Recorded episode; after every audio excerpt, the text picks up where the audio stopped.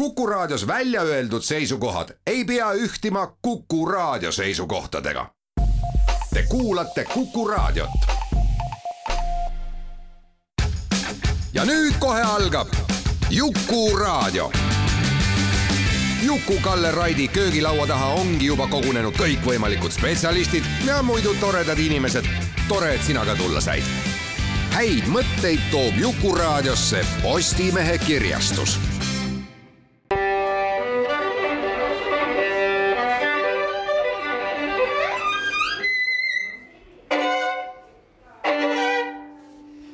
Laku panni.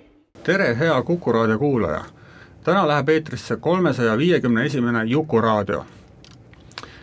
Juku-Kalle Raidi meie seas täna paraku ei ole, teda on tabanud seesama haigus, mis tabab paljusid mõistlikke inimesi iga nelja aasta tagant. nimelt äh, astub üles kandidaadina, nagu ta ise ütles, ta kandideerib kiisuna. aga sellest ei ole midagi, hiljemalt äh, pärast viiendat märtsi pärast demokraatia pidupäeva tuleb ta Jukuraadiosse tagasi ja teeb oma suurepäraseid vestlusõhtuid. täna aga lahutab teie meelt siin Postimehe ajakirjanik Aarne Seppel ja tema vastas istub Eesti välissuhete tippekspert, Berliinis elav Kadri Liik, kellega meid seob väga pikaaegne kolleegisuhe, sestap me ka sinatame üksteist. tere, Kadri! tere, Aarne! mina tahaksin sinuga täna rääkida mitmetel teemadel kõigepealt aga Saksamaast. Saksamaa on väga suur, väga tähtis, väga oluline riik keset Euroopat. ta mõjutab äh, isegi siis, kui me ei tunnista, et ta mõjutab meie igapäevast elu. kui sõda algas, siis äh, Saksamaale kleebiti külge kuidagi selline maine, et nad on naeruväärsed. räägiti viie, viiest tuhandest kiibrist, mis kindlasti on nagu abi, oli, abiks ukrainlastele, aga kindlasti mitte see, mille peale mõtelda esimest korda, kui sa mõtled Saksamaale. sakslased on oma mainega läbi ajaloo hädas olnud, kuidas sulle tundub, kas see, sõda kuidagi on pannud neid oma maine peale rohkem mõtlema või kuidas sina keset Saksa, keset Saksamaa pealinna elades sellest, seda näed? Mm, küsimus on mitmetahuline. mulle tundub muidugi, et Saksamaale tehakse kohati natukene liiga äh, siin meie kandi aruteludes. osaliselt võib-olla sellepärast, et häid Saksamaa tundjaid tegelikult Eestis ei ole eriti palju. et Eesti nagu laiem avalikkus äh, ja nii ajakirjanikud kui ka suur osa poliitilisest eliidist saavad infot Saksamaa kohta ikkagi ingliskeelsest meediast. ja siin on ka see mure, et ega saksa keelt väga laialdaselt ei mõisteta tipptasemel. just just, äh, ja ei tunta Saksamaa nagu poliitilist maastikku, kes on seal kes, inimestel ei ole nii häid kontakte, et sellega võiks tegelikult tööd teha, Saksamaa on väga avatud, et isegi keelt oskamata, kui ajakirjanik Berliini saata, äh, ta teeb seal intervjuusid, räägib, kellega saab, juba see tegelikult annab, annab ka päris palju ega minu enda saksa keel ka üleni töökindel ei ole, et, et ma samamoodi suures osas inglise keele baasil mõistan Saksamaad, aga, aga ma näen teda teisiti kui siin Eestis. ja ma näen seda, kuidas näiteks Briti lehed ikkagi teinekord teevad otsest ülekohut äh, Daily Telegraphist võtta Saksamaa kohta uudiseid, siis te lähete alt samamoodi kui Vene meediast uudiste võtmisega, et olge ettevaatlikud Saksamaa poliitikast rääkides, Saksamaa jaoks on see, mis Venemaa on teinud, tõsine ja siiras šokk. juba alates Krimmi annekteerimisest, jällegi, kui Eestis on arvatud, et Saksamaa tahab ainult nagu naasta äh, tavapäraste suhete juurde ja unustada selle Krimmi ära, see ei ole tõsi. Saksamaa on Krimmi annekteerimisest alates täiesti teises võtmes Venemaast rääkinud see võib-olla ei paista välja, aga nagu tundetoon ja see, millised on nagu pikemaajalised visioonid, on täiesti muutunud juba tollest ajast saadik. vale oleks öelda, et Saksamaa ärihuvid kirjutavad Saksamaale ette tema, tema suhet Venemaaga, ärihuvide hulgas on erinevaid ja noh, võib arvata, et need ise ma nendega ei ole kokku puutunud, aga et kes tõesti Nord, Nord Streamist sõltusid äh, nii, nii tööandjad kui kui, kui see väikelinnakene, kus gaasitoru pidi maale tulema ja mille majandus sellest oli päris sõltuv. et nende jaoks oli see tõesti eluliselt tähtis asi, aga väga paljud teised äriettevõtted on pigem ikkagi poliitikat, poliitikute seisukohti järgides sellise pigem eetilise liini võtnud mitmetega nendest ma olen kõnelnud ja, ja, ja see ei ole olnud selline soov iga hinna eest äh, nagu mured kõrvale pühkida ja, ja uud, uuesti suurt raha teenida. nüüd, miks Saksamaa jaoks on raske saata oma relvastussõtta Venemaa vastu, see on ikkagi ajalugu, et see on tõesti väga suur tabu. ja jällegi ma arvan, et ei oleks meil tarvis seda ülemäära naeruvääristada, sest Saksamaa on üks riik, kes on oma ajaloost õppinud, kes on tõesti püüdnud seda heastada. ja noh, me kõik tahaks, et Venemaa käituks samamoodi oma ajalooga. kas see võiks võimalik olla? ma arvan, et seda ei saa sajaprotsendiliselt välistada, samas ma ei väida, et me seda oma eluajal näeme. okei aga, aga Saksamaal no just, rääkides pikemaajalistest trendidest, muidugi ei saa eitada seda, et noh, see kantsler Scholzi Zeitenwende kõne sõja esimestel päevadel, see oli võimas, aga, aga selle nagu konkreetse, sellele konkreetse sisu andmine viibis. et ka mitmed Saksa diplomaadid ja riigiametnikud olid segaduses, et aga mis, mis siis nüüd tegelikult järgneb? ma mäletan väga hästi, see tundus siit Eestist vaadates ka, et nüüd on mingi paradigma muutunud et äh, Saksamaa liidukantsler ütles välja midagi sellist, mida varem üteldud, see tundus täiesti uskumatu. ja kuidagi tekkis selline tunne, et nüüd hakkab midagi juhtuma. ja äkki me oma väiksuses, paindlikkuses äh, tahtsime seda, et juhtuma hakkaks kiiremini, kui tegelikult see Saksamaal võimalik on jah, siia sobib, ma arvan, see Lennart Meri vana metafoor, et Eesti on nagu kajak, pöörab ennast ringi kohe ja kiiresti. Saksamaa on ikkagi suur tanker. et noh, paratamatult see, mina ei kahtle suunamuutuse siiruses absoluutselt, aga, aga see ümberpööramine äh, reaalsele tegevusele häälestumine on olnud raske ja aeganõudev, Scholz ei ole võib-olla ka parim liider et tal on omad äh, iseloomuomadused, mis ei ole tingimata head, tas on selline natuke passiivagressiivsust, sellist väga tugevat jäärapäisust, tahtmist mitte olla mõjutatud teistest või mitte näida mõjutatud. Tal on olnud sagedased suunamuutused, eks ta on ka sellises rollis ikkagi esimest korda, ta ei ole nagu kõige lihtsam ja kõige arusaadavam, mõistetavam riigijuht. aga noh, samas mina ei ole kunagi eriti kahelnud, et Saksamaa liigub õiges suunas ja, ja see äsjane otsus tankide saatmisest noh, kinnitab seda.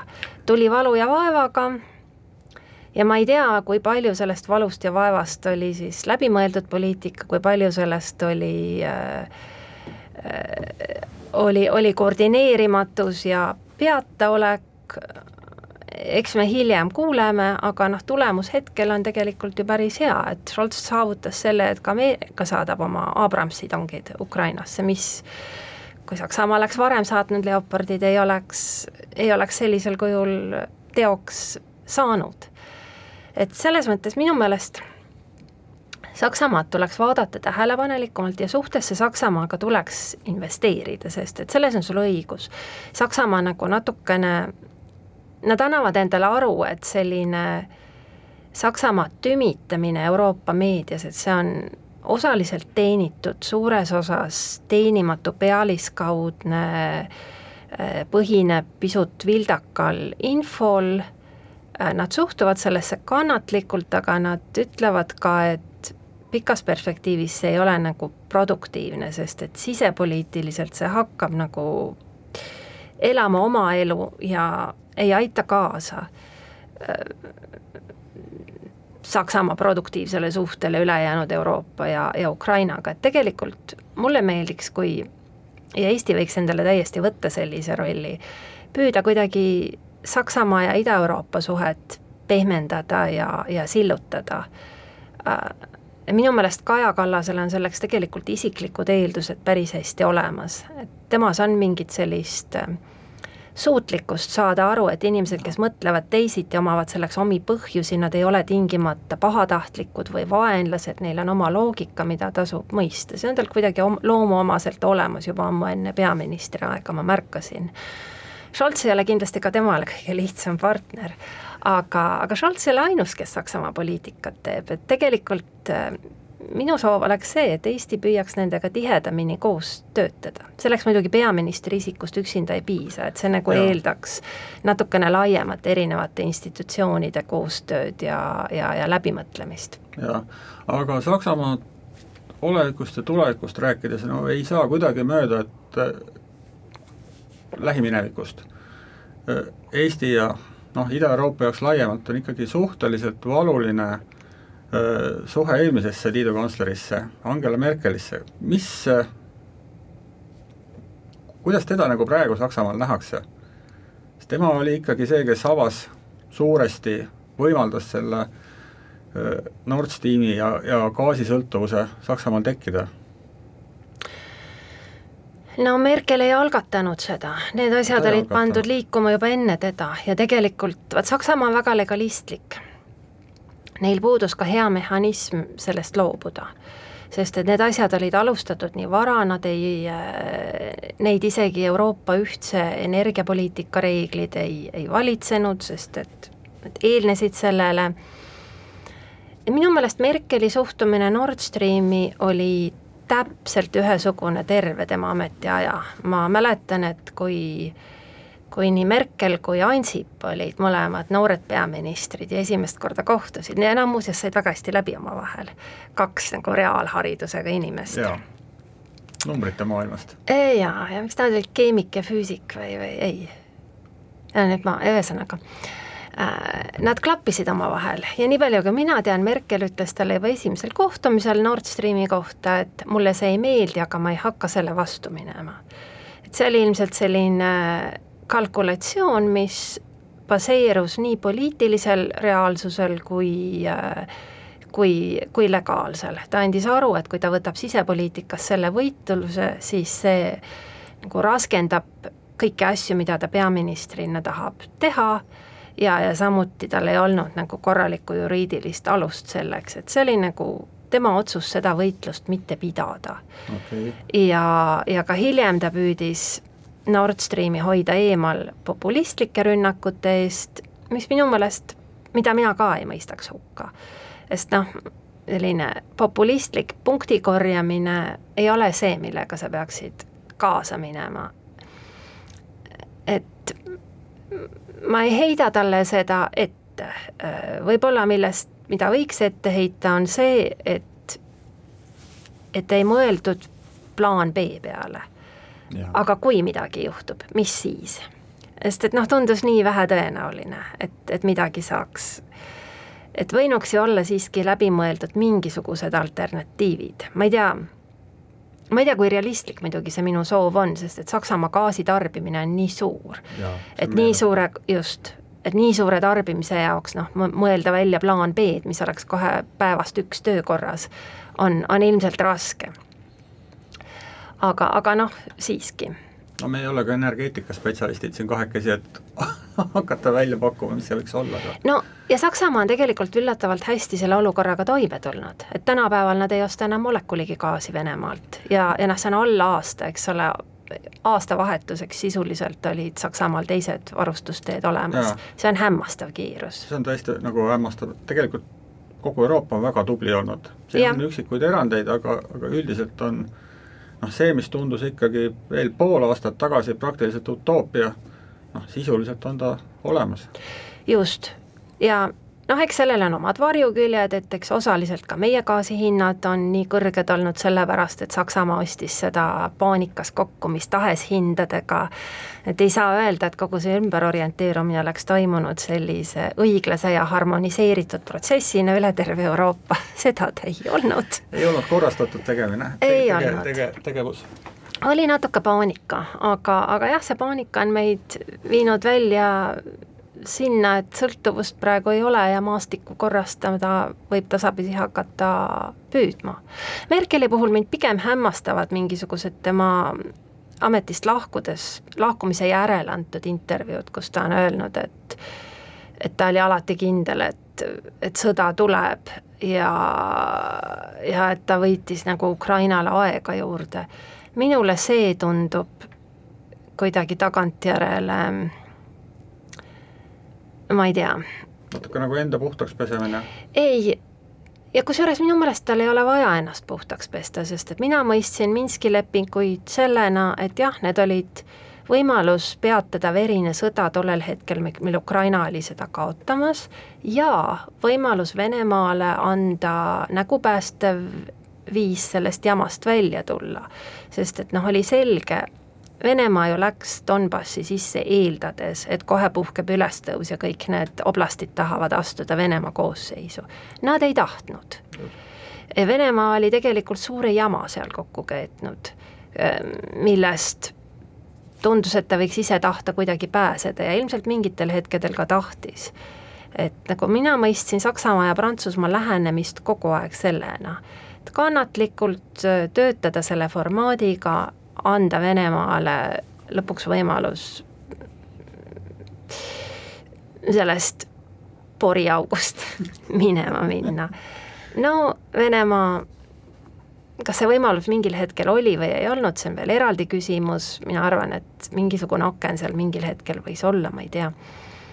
aga no ühesõnaga, lõpuks Venemaa otsustas sellesse auku veel sügavamale sisse ronida. oo oh jaa, tuleme tagasi korraks nende eilse tankiuudise juurde ja sellele, mis eelnes sellele, kogu sõja vältel noh, ütleme see, mis nad on viimased kahekümne neljandast veebruarist eelmisel aastal olnud, on väga aktiivselt ja mulle tundub, et ikkagi positiivses võtmes aktiivselt ja sihikindlalt tegutsenud Poola, kellega meil on niisugune Euroopa poole pealt vaadates äh, võib-olla mõnevõrra erinev arusaamine õigusriigist, sellest, kuidas sise, sisemiselt oma elu korraldada, küll aga on ta olnud äh, selles Venemaa vastases noh, võiks ütelda koalitsioonis ikkagi juhtiv, juhtiv äh, liitlane ja väga, väga sihikindel ja ikkagi ennast unustavalt võiks ütelda suisa ukrainlasi aidanud, et kuidas see Poola esile kerkimine just selle välispoliitika koha pealt seda tasakaalu Euroopas, et kohati tundub, nagu nad tahaksid olla nagu ise Saksamaa. no nad võivad tahta, aga päris nii see ei ole, ma püüan siin teise käega otsida, ma tegin just uurimuse selle kohta, et eh, millised riigid juhivad, on nagu liidri rollis Euroopa Liidu välispoliitika kujundamisel ja Poola, Poolat küll mainiti, aga mitte valdavalt. pilt on tegelikult selline, et et, et Euroopa välispoliitikal ei olegi praegu selget liidrit. ja see on nagu mõnes mõttes erinevus, kui me vaatame ka kahe tuhande neljateistkümnenda aasta Krimmi annekteerimise järgset perioodi, et siis tõepoolest Saksamaa oli nagu see riik, kes suutis äh, tekitada koalitsioone, teisi, teisi kokku tuua. praegu sellist ei ole või kui, siis on selleks Ameerika Ühendriigid. Äh, Euroopas ähm, kohe leian üles selle kus see kirjas on, Euroopas jah, mainiti Prantsusmaad, Saksamaad ja Poolat, aga, aga mitte üks ei saanud sellist otsustavat äh, häälte enamust. ja ma võin ka öelda, et mitmed riigid nendest siin hääletasid iseenda poolt. Ühesõnaga, Poolat näeb liidrina kaks riiki, ma ei tea, kes see teine peale Poola siis veel on. Äh,, Prantsusmaad neli, Saksamaad kuus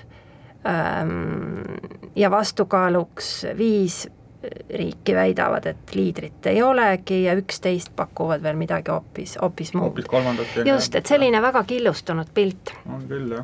ma arvan, milles siin on küsimus, on see, et nii Poola kui Balti riigid suudavad päris hästi sõnastada selliseid moralistlikke positsioone, väga kompromissituid. meile annab kaalu juurde see, et me tõepoolest suure osa ajast ka käitume vastavalt, Balti riigid ja Poola on saatnud Ukrainasse väga palju relvi, on võtnud vastu väga palju põgenikke. meie asukoht. just noh, ja asukoha pärast me ka peame seda konflikti enda jaoks eksistentsiaalseks, eks meil on oma topeltstandardid, millele me ise tähelepanu ei pööra ja teised näevad neid, aga noh, need ei, need ei kerki selles kontekstis tingimata alati esile. aga mis minu meelest on meie probleem, on see, et meil on väga raske kujundada poliitikaid või aidata kaasa selliste poliitikate kujundamisele, mis töötaksid Euroopa Liidu kui terviku jaoks äh, antud hetk võib-olla on meie jaoks selles mõttes soodne, et olukord on tõesti üsna mustvalge ja noh, Ukrainale relvi anda ongi ka minu meelest parim asi ja esmane asi, mida praegu teha. Aga ajad lähevad uuesti keerulisemaks hiljem, kus on vaja nagu komplitseeritumatele probleemidele lahendusi leida, mingeid tasakaalupunkte. Ja vot sellel maastikul on meil jätkuvalt nagu raske töötada nii Balti riikidel kui Poolal kui, kui suurel osal Ida-Euroopast. meil lihtsalt ei ole seda kogemust, et meil on noh, Eestina me ju teame, me oleme ka oma enese välispoliitikat suut-, saanud teha mingi piiratud aja kogemus äh, poliitika kujundamisel, mis peaks toimima suurema hulga riikide jaoks kui me ise meil on seda äärmiselt vähe, me mõnikord tuleme toime mingitel teemadel, mis on meie jaoks natukene kaugemad, näiteks mind väga meeldivalt üllatas, kui Itaalia parlamendi liikmed tulid mulle ütlema, et teate, Eesti tegi nii head tööd äh, rändeteemadega president eesistumise ajal. Wow.. Itaalia oli kohe nagu jaa, neile kohe väga meeldis, sest noh, ränne on nende jaoks eksistentsiaalne probleem, meie jaoks EKRE püüdis seda selleks tõsta, aga mitte üleni edukalt. mitte, mitte jah. just. et, et, et Eesti jah, suutis niiviisi õiglase ja, ja, ja pragmaatilise nagu sideainena toimida Euroopa Liidus, mis, mida oli väga, väga siiralt hea meel kuulda. aga meie suutlikkus äh, selliseid positsioone kujundada hääbub niipea, kui juttu tuleb Venemaast. nojah, eks tõsi ole ka see, et meil napilt äh, on ressursse iseenda välispoliitikaga tegelemiseks, rääkimata siis, et me saaksime noh, kogu kontinendi välispoliitikat peale mõteldagi vähemasti või mingisuguseid suundasid seada, et aga meil võiks hakata see varsti tulema, sest et noh, me oleme juba Euroopa Liidus olnud varsti kakskümmend aastat. Meil on olemas inimesed, kes on Euroopa struktuurides töötanud, kes teavad umbes, kui, kui keerukas see poliitika tegemine on, mismoodi see käib. meil on olemas kõik noh, saatkondade võrgustikud liikmesriikides, hea küll, mitte kõigis, hea küll, meie saatkonnad on alati väiksemad kui paljude teiste riikide saatkonnad. aga noh, ma ei, ma ei arva, et, et see arenguhüpe meie jaoks nagu päriselt välistatud on. jaa, aga kas võiks olla ma kujutan ette, et Saksamaal nagu keegi mõtleb selle peale, aga kas ka Eestis või Ida-Euroopas mõtleb keegi selle peale, et Äh, liitlaste relvade ja jumala abiga Ukraina võidab sõja. me ei tea, mis seal Ukrainas saama hakkab, aga ühel hetkel on Ukrainas võib-olla aktiivset sõda enam ei ole, aga neil on maailma kõige paremini relvastatud armee. mida sellises olukorras teha? Et noh, kui, kui palju nendele kaugematele tulevikustsenaariumitele Euroopa niimoodi think tankides mõteldakse, et noh, mis ei ole mitte üks ega kaks, vaid võib-olla viis sammu ettepoole? Äh, mõeldakse, aga noh, väga kaugele ette on praegu raske mõelda, sest et väga palju sõltub ikkagi, mismoodi see sõda lõpeb ja Venemaa ei ole valmis seda kaotama. Et ma arvan, et, et päris palju selliseid pingelisi episoode võib siin ees olla veel mulle tundub, et ka Ukraina ei ole valmis kaotama. ei, Ukraina ei ole. aga noh, ka et võit ja kaotus, mismoodi need välja näevad, ma väidaks, et et Venemaa ei saa seda sõda võita, kui nüüd mõista võitu sellises tähenduses, et et see suurendab Venemaa nagu rahvusvahelist äh, tegutsemisvõimet, manööverdamisvõimet, staatust, prestiiži, kõike, et vastupidi, Venemaa isegi, kui ta selle lahinguväljal mingi imega võidaks, see toimub väga suurte ohvritega, nii sisemaises poliitilise süsteemi elujõulisuses kui, kui üleüldises nagu välispoliitilises manööverdamisvõimes.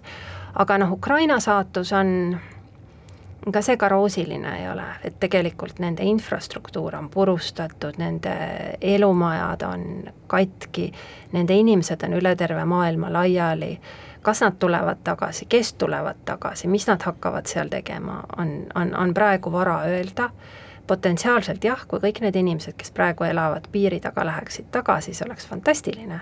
ja, ja, ja, ja see tooks Ukrainasse kokku väga palju vahetut kogemust mujalt maailmast, mis annaks väga suured uued võimalused, aga võib-olla nad ei lähe. et ega me ei tea. ei tea jah, ja kõik kindlasti ei lähe, aga just, et Ukraina kohta ma arvan, et noh, selge on see, et, et Ukraina positsioon Euroopa ja maailma julgeolekusüsteemis muutub. muide, ka Henry Kissinger tänapäeval ütleb juba, et Ukraina tõenäoliselt peaks saama NATO-sse, sest et põhjust seda vältida enam ei ole. ja no võiks ütelda, et neil on kõige paremini varustatud NATO armee, noh, mitteametlikult jah, noh, vot ei oska öelda, eks ole, sellest varustusest mingi hulk jällegi ka kulutatakse selles sõjas ära. loomulikult, see kõik on kulumaterjal, aga noh, neil on inimesed, kes mõistavad selle varustusega päriselt sõdida. ja, ja, ja mis mind üllatas, see on muidugi minu enda ignorantsus, enne sõja algust ma ei teadnud, et Ukrainal tegelikult oli täiesti eneseküllane sõjatööstuskompleks. et iseenesest Ukraina enne sõda tootis kõike, mida ta vajas lihtsalt noh, see toodang ei, ei löönud sõja kõikidele vajadustele vastu ja suur osa neid tehaseid äh, pommitati sõja alguskuudel kohe puruks. aga jah, ta on militaarselt väga, väga tegus riik. Te olete Kuku raadio lainel ja kuulate Jukuraadiot. häid mõtteid toob Jukuraadiosse Postimehe kirjastus. saate esimeses pooles rääkisime Saksamaast, Poolast, Ukrainast üsnagi üldises võtmes Euroopa kontekstis. tuleme natukene kodukaamarale lähemale ja räägime sellest, kuidas see sõda välja paistab läbi eri riikide meediaväljaannete. Eestis ei olnud, tegelikult kui sõda algas, ei olnud küsimust. valge oli valge ja must oli must see oli väga lihtne valik, mille peale isegi ei pidanud väga palju mõtlema.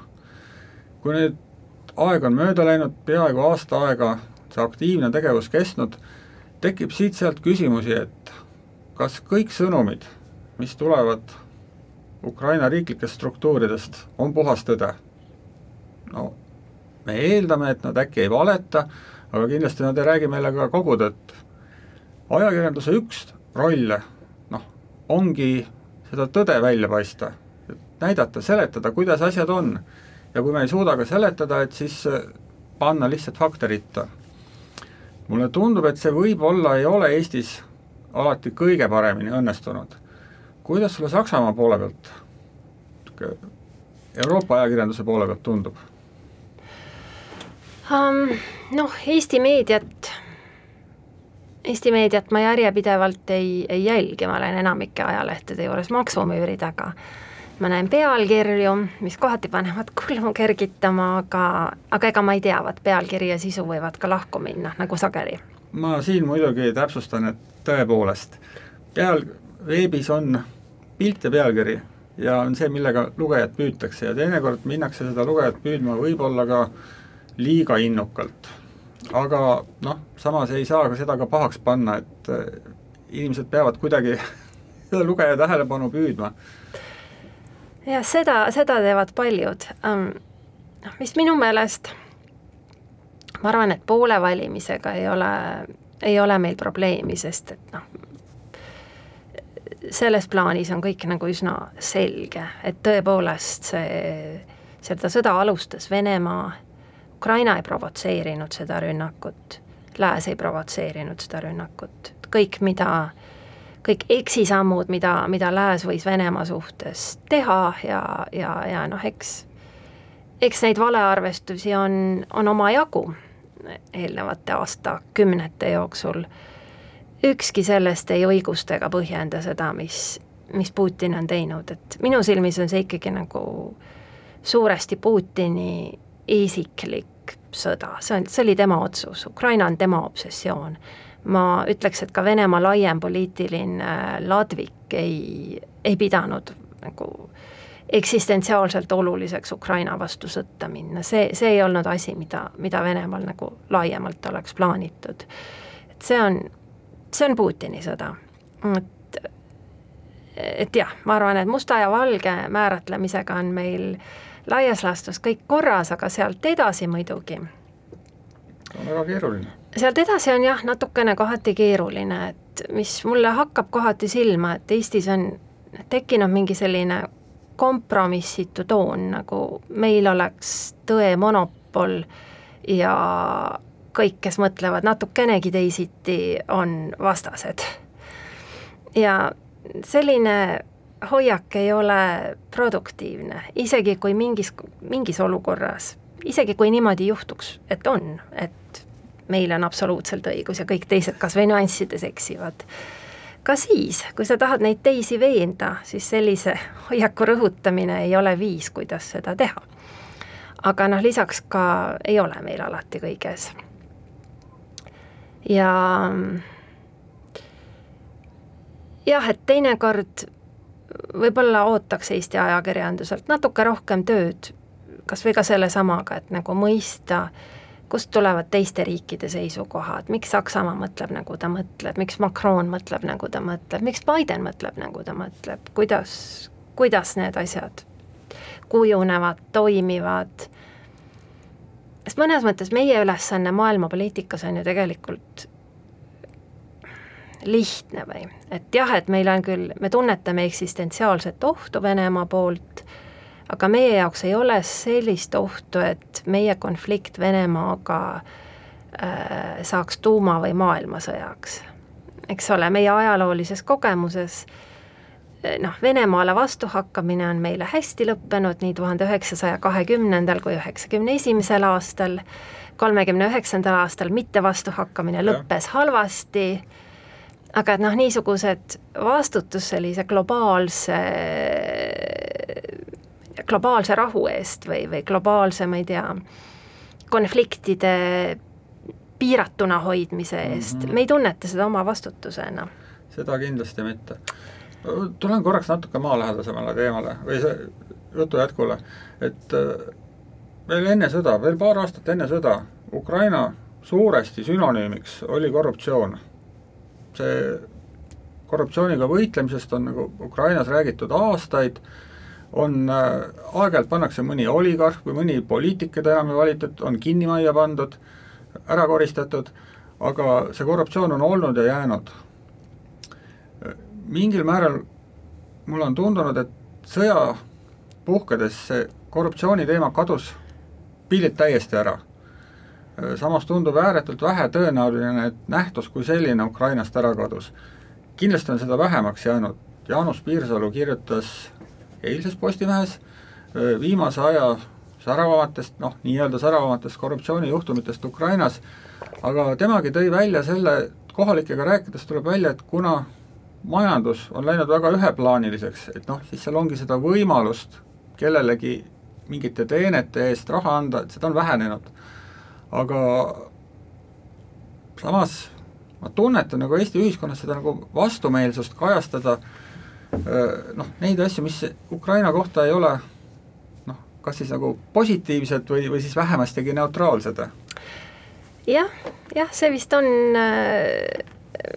ma näen, mida sa, millest sa räägid, jaa siinkohal tegelikult tahakski saata komplimendid Eesti ajakirjanikele, kes Ukrainas käivad, sest et nende jaoks tegelikult need teemad ei ole tabu. Nad näevad neid ja nad suhtuvad nendesse asjalikult. no nende jaoks on see argipäev, nad on seal kohapeal, teevad oma tööd, nad näevad, mis olud on. just, et nii Jaanus kui siin kolleegid ETV-st, kui kes seal käivad, et et äh, kummardus teie tööle.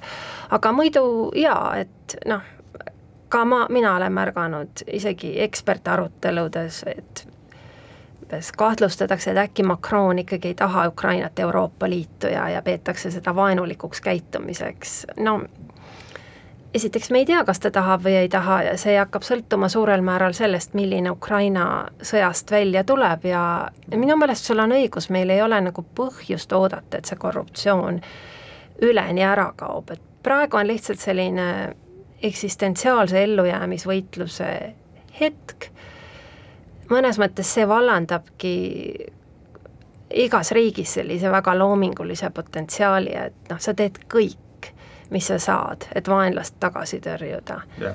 vot kohati vaadates ukrainlasi, mulle tuleb meelde see episood üheksakümne esimesest aastast, kus teletorni kaitsjad panid lifti ukse vahele tikudoosi, et Vene väed üles ei saaks. vot selliseid tikudoosi lahendusi on Ukrainas praegu väga palju. ja, ja.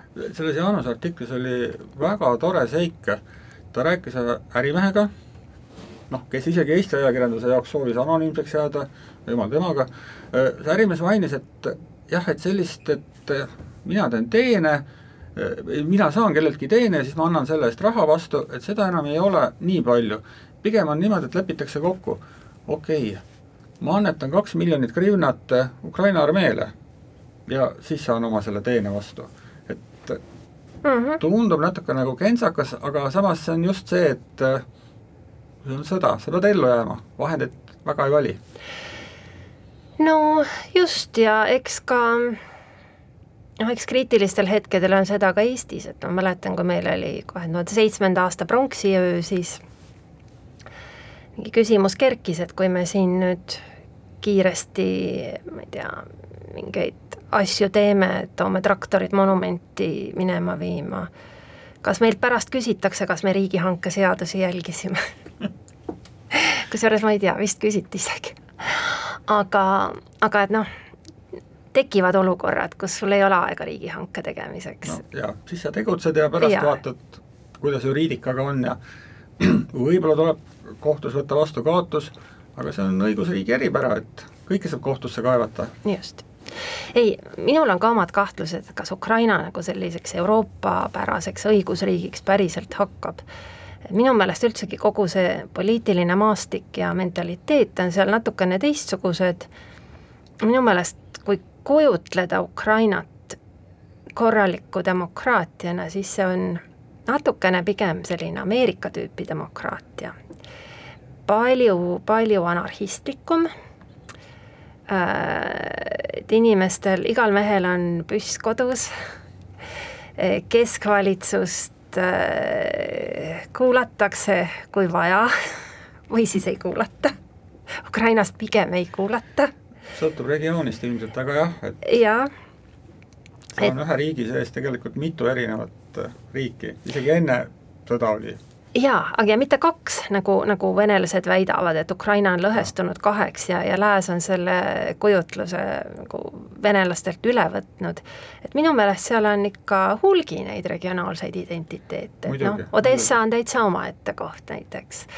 aga noh, mille Putin saavutas, on see, et ukraina keele võidukäik on ikkagi hullumeelne. jaa, ja minu meelest ka varem, et noh, need inimesed ikkagi, ükskõik mida nad mõtlesid Kiievi valitsusest ja sageli nad mõtlesid sellest väga halvasti ja neil olid kõik õigused sellest niimoodi mõelda, nad olid ja, ja sellegipoolest lojaalsed ukrainlased, et nad ei arvanud, et, et Ukrainat ei peaks olemas olema või et, et nad peaksid Venemaale, Venemaal elama, et minu jaoks noh, eks mingeid selliseid inimesi on ja mingeid neid, kes ju, eks ole, praegu Ukraina armee asukohti Venemaale reedavad, on ka Ukraina enda elanikkonna hulgas.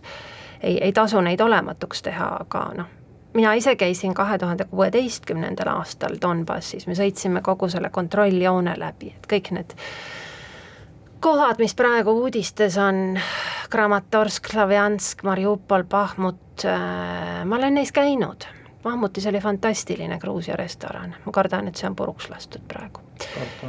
et äh, aga, aga mis minu õppetund sellest oli, oli see, et inimesed ei tundnud, ei tunnetanud, et see on kuidagi nende sõda, et nad leidsid, et nendel oli okei okay olla nii, nagu asjad olid, et, et jah, me oleme Ukraina, ei, Kiiev meile ei meeldi, Kiievi valitsus, ja mis siis, me oleme ikka Ukraina et ühesõnaga sellist äh, rohujuure separatismi oli seal äärmiselt vähe või kui seda varem oli olnud rohkem, siis kahe tuhande kuueteistkümnendaks mm -hmm. aastaks oli see küll kuidagi Nad tahtsid elada nagu oma elu lihtsalt Just. ja mitte lasta ennast häirida sellest, et jaa, kus pealinnas midagi toimub.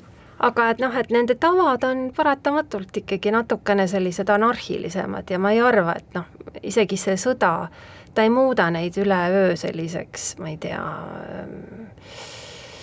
Taani või Soome stiilis äh, seaduskuulekaks. ja võib-olla ei peagi. et ma nagu leian ka, et kui nüüd üldse hüpoteetiliselt võtta endale julgus ja rääkida sõjajärgsest Ukrainast, siis noh, ma kujutaksin Ukrainat päris hästi ette NATO-s. NATO-s on ka Türgi ja noh, saame läbi häda Mhm. hakkama, kuigi probleemid on aga Euroopa Liidus, oi, raske. just, just. ja noh, sellel taustal tõesti see, et Eestis nagu raevukalt nõutakse Ukraina võtmist Euroopa Liitu nüüd ja kohe, see on nagu natuke läbimõtlematu, et esiteks see ei aitaks antud hetkel Ukrainat mitte kuidagi mm. Mhm. see, et nad said kandidaatstaatuse, oli pigem selline hea tahte märk noh, jah, just, eelkõige. noh, et Euroopa Liit tahtis kuidagi aidata ja tal ei ole lihtsalt mitte midagi muud anda. Aga ma ei ole kindel, kui praktiline see samm tegelikult oli või et see on, see on kõik Jah. selline sügav tulevikumuusika. no võib-olla on seal see argument, et mingisuguseid suhtluskanaleid rohkem lahti hoida erinevate institutsioonide vahel. jah, ma ei tea isegi, Euroopa Liit oli niikuinii Ukraina abistamisse nii palju nii raha kui energiat investeerinud, et ma Jaa. ei, ma arvan isegi, et see andis nagu marginaalselt juurde. tuleme korraks veel meedia juurde tagasi. Et äh, kui palju Euroopas, Euroopa ajakirjanduses kajastatakse seda, mis Ukrainal selles sõjas hästi ei lähe. kui on e-, ebaõnnestunud operatsioon, kui nad kaotavad alasid, kui inimesi saab hukka või kas või seda, et väga vähe on räägitud sellest, et äh, Ukrainas siiski on piirkondi, kus on inimesed, kes tegelikult ootavad venelasi. Et Eestis on seda vähe. kuidas Euroopas on? kuidas Berliinist vaadates tundub? mm,? on ka vähe, aga kas see probleem on selles, et on infot vähe või ei taheta kirjutada? ma arvan, et mõlemat, et eks selles, et eks siin tulebki natukene hoida seda habrast äh, tasakaalu.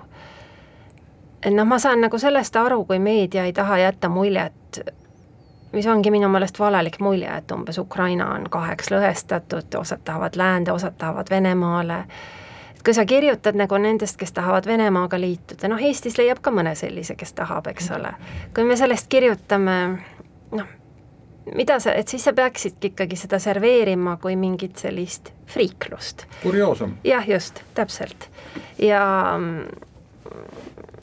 ja et noh, võib-olla kui käib sõda, et palju sul on nagu energiat ja lehe- või eetriruumi fokusseeruda kurioosumitele, mil määral sa kajastad mingeid asju, mis on suures pildis olulisem ja kindlasti on ka see teadmine, et et selliseid mainstreamist välja minevaid lugusid kindlasti üritatakse ära kasutada eh, nii Venemaa kui, kui noh, leiab neid ka mujal.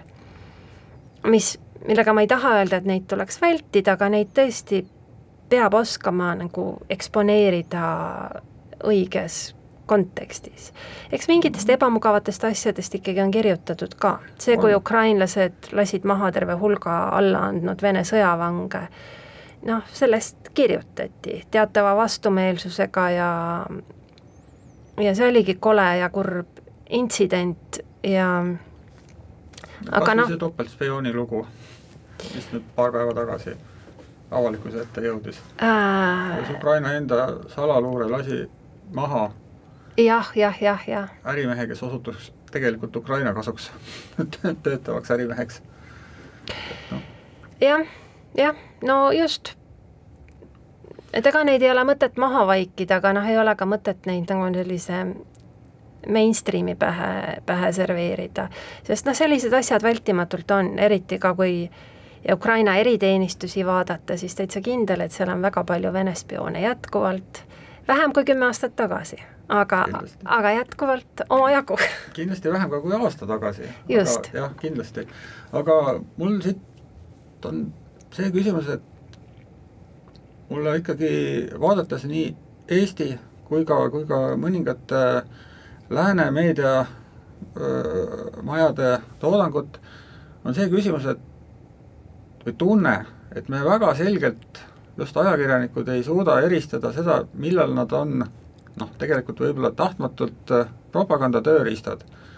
et mulle tundub, et see infosõda, infosõda, mida Ukraina peab, nad teevad seda ülitõhusalt, väga hästi. Nad äh, suudavad, suudavad vähemasti Euroopas oma sõnumid äh, noh, muuta loogiliseks ja niimoodi, et äh, ajakirjanikud ja ka inimesed tahavad neid lugeda. aga kuidas seda, kuidas seda propagandat ikkagi läbi näha? kõiki sõnumeid ei pea võib-olla edastama nii, nagu tulevad sealt Ukraina ametlikest allikatest jah, ma arvan, ega muud ei olegi, kui et tuleb lihtsalt nagu tööd teha, et tuleb, tuleb anda endale aru, milline on reaalsus ühel või, või teisel, äh, ühes, ühe või teise uudise kontekstis ja ja ja püüda seda edastada ja püüda nagu selgitada konteksti. tegelikult minule, sina räägid Ukraina Ukraina poliitikast ja uudistest, minule läks mõnes mõttes rohkem hinge Eesti ajakirjanduse reaktsioon äh, telekanali Dožd äh, sulgemisele Lätis. et noh, minu meelest see oli nagu ülekohtune, et siis oli küll vägagi arukad inimesed ütlesid, et et, et Läti tegi õieti, Dožd oligi äh, ma ei tea, Kremli agent või mis, mis iganes, Tošt tegi kõik valesti ja Euroopa poliitikud, kes ütlevad, et Läti tegi lolluse, ründavad Balti riike. et see oli väga et minu meelest nagu ma hakkasin, vot see pani mind mõtlema kohe nagu päris pikalt selle üle, et mida üldse nagu oodata ka Vene meediast, mis tegutseb eksiilis et miks peaks Vene meedia kirjutama asjadest täpselt nii, nagu Lätile meeldib. Äh, kui nende sihtauditoorium on Venemaal ja noh, kas või see, mida neile heiti ette, heideti ette, nad ütlesid Vene sõdurite kohta meie sõdurid. aga mida nad saavad öelda, kui nad räägivad Vene televaatajale? Nad ei saa, noh, kui nad räägivad, ma ei tea, tahavad, eks ole, ühenduda emadega, kelle pojad on sõjas. venelased räägivad venelastega, ongi jah, täpselt. ja ma arvan, et, ma arvan, et see on normaalne või ma, ma mõtlesin ka sellele tegelikult, et näiteks noh, kui on olnud Eesti ajakirjandus piiri taga, olid ja Ameerika Hääl ja, ja ja Vaba Euroopa mm, -hmm. ja töötasid, eks ole, Ameerikas ja Münchenis siis vastavalt ja olid Ameerika rahastatud ega ka nende nagu huvid ja toimetuse poliitika ei langenud alati sajaprotsendiliselt kokku Ameerika valitsuse vaadetega, kuigi nad isegi ütlesid, et langeb. Nad isegi ütlesid seda, ma just nagu pidid... mäletan seda omalt ajalt. ja, ja, ja see käis, just, just see oli alati seal signatuuri sees lausa. aga noh, näiteks ma ei tea, te ei ole, ei ole nüüd küsinud ühegi sealse töötaja käest viimasel ajal, aga ma hakkasin mõtlema, et kui noh, oli üheksakümne esimene aasta näiteks ja George W. Bush pidas Kiievis oma kõne, kus ta mm -hmm. ütles, et olge ikka Nõukogude Liidus ja no ma ei usu, et Vaba Euroopa Müncheni toimetus sellele puhta südamega alla kirjutas, kindlasti oli neil mingi oma ja hoopis teistsugune agenda. ja see on normaalne ja see ja. ei tähenda seda, et noh, Eesti ja Ameerika Ühendriigid oleksid kuidagi nagu halvad liitlased selle pärast või aga sel ajal ei olnud ka otsesest lahtist sõda, noh. jah. see, see on väga-väga-väga äh, trikiga, trikiga see asi on see, see Tošti, Tošti ärasaatmine Lätist. et mulle jäi samuti tunne, et kohati ikkagi kellelgi lõi silme eest lihtsalt mustaks. ja, ja siis aga hiljem hakati vaatama, et kas midagi on tegelikult ka või ei ole. jah, või see, et nad avaldasid kaardi, kus Krimm oli, oli, oli Venemaa osa, noh, mida kõike me oleme Postimehes avaldanud, ma arvan, me, me oleme nihutanud nii piire kui pealinna. Äh, ma olen ise teinud infograafiku, kus äh, Läti asemel oli meri. Leedu oli ilusasti olemas, Poola oli olemas, Lätit ei olnud, juhtub. no vot ja, ja ongi. Ja, ja selle tragöödia siin ongi see, et kui seda teeme Eesti meedias sina või mina, siis noh, see võib isegi mingisuguse lõbusa skandaalipäevakeseks üles kiskuda, aga, aga lõppkokkuvõttes saadakse aru, et, et see oli viga, mis juhtus viimase hetke kiirustamisest või ausast ebakompetentsusest. kui samasuguse vea teevad venelased, siis mõeldakse kohe, et see on tellimustöö, ma mäletan seda oma enese, täpselt, ma töötasin BNS-i Moskva kontoris siis me ju kirjutasime hästi palju Balti riikide ja Venemaa suhetest ja see töö, seal oli väga palju sellist diplomaatilist terminoloogiat. ja noh, ikka juhtus, et sa ajasid, eks ole, segamini seal, ma ei tea, nõuniku ja, ja, ja nõuandja ja, ja nii edasi. ja ma mäletan, et kui seda tegin mina, siis noh, saatkonna diplomaadid naersid, ütlesid, Kadri, see käib teistmoodi. kui seda tegi minu vene kolleeg Vanja, siis Mart Helme, kes oli saadik, ütles, see on tellimustöö. kusjuures noh, mitte keegi Venemaal ei oleks eales vaevunud Vanja käest midagi tellima selles suhtes ajakirjanduses juhtub väga palju väga kummalisi vigu ja teinekord no ei ole võimalik välja mõteldagi, kuidas nad loogiliselt juhtuda said, aga juhtuvad. et ja enamasti ongi seletused vähemasti sellistel puhkudel palju lihtsamad, kui nad tegelikult on.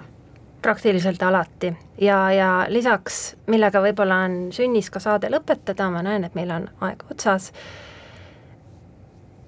hea ajakirjandus on alati natukene irooniline ja selline irreverentne, ilma musta huumorita toimetuse siseses vestluses sa head ajakirjandust ei tee. ajakirjatoimetus, mis alustab oma päeva piltlikult öeldes asukohariigi hümnisaatel püsti seistes, see ei tee head ajakirjandust, mitte kunagi. jaa, sellist ajakirjandust teevad toimetused, mis asuvad mingites teistes riikides, mitte meil. suur aitäh, Kadri selle meeldiva vestluse eest, loodetavasti jätkub sinu teravat pilku ka tulevikuks, head Jukuga, Jukuraadio kuulajad, see oli siis kolmesaja viiekümne esimene Jukuraadio ja juba järgmine nädal uus jutt ja uued inimesed.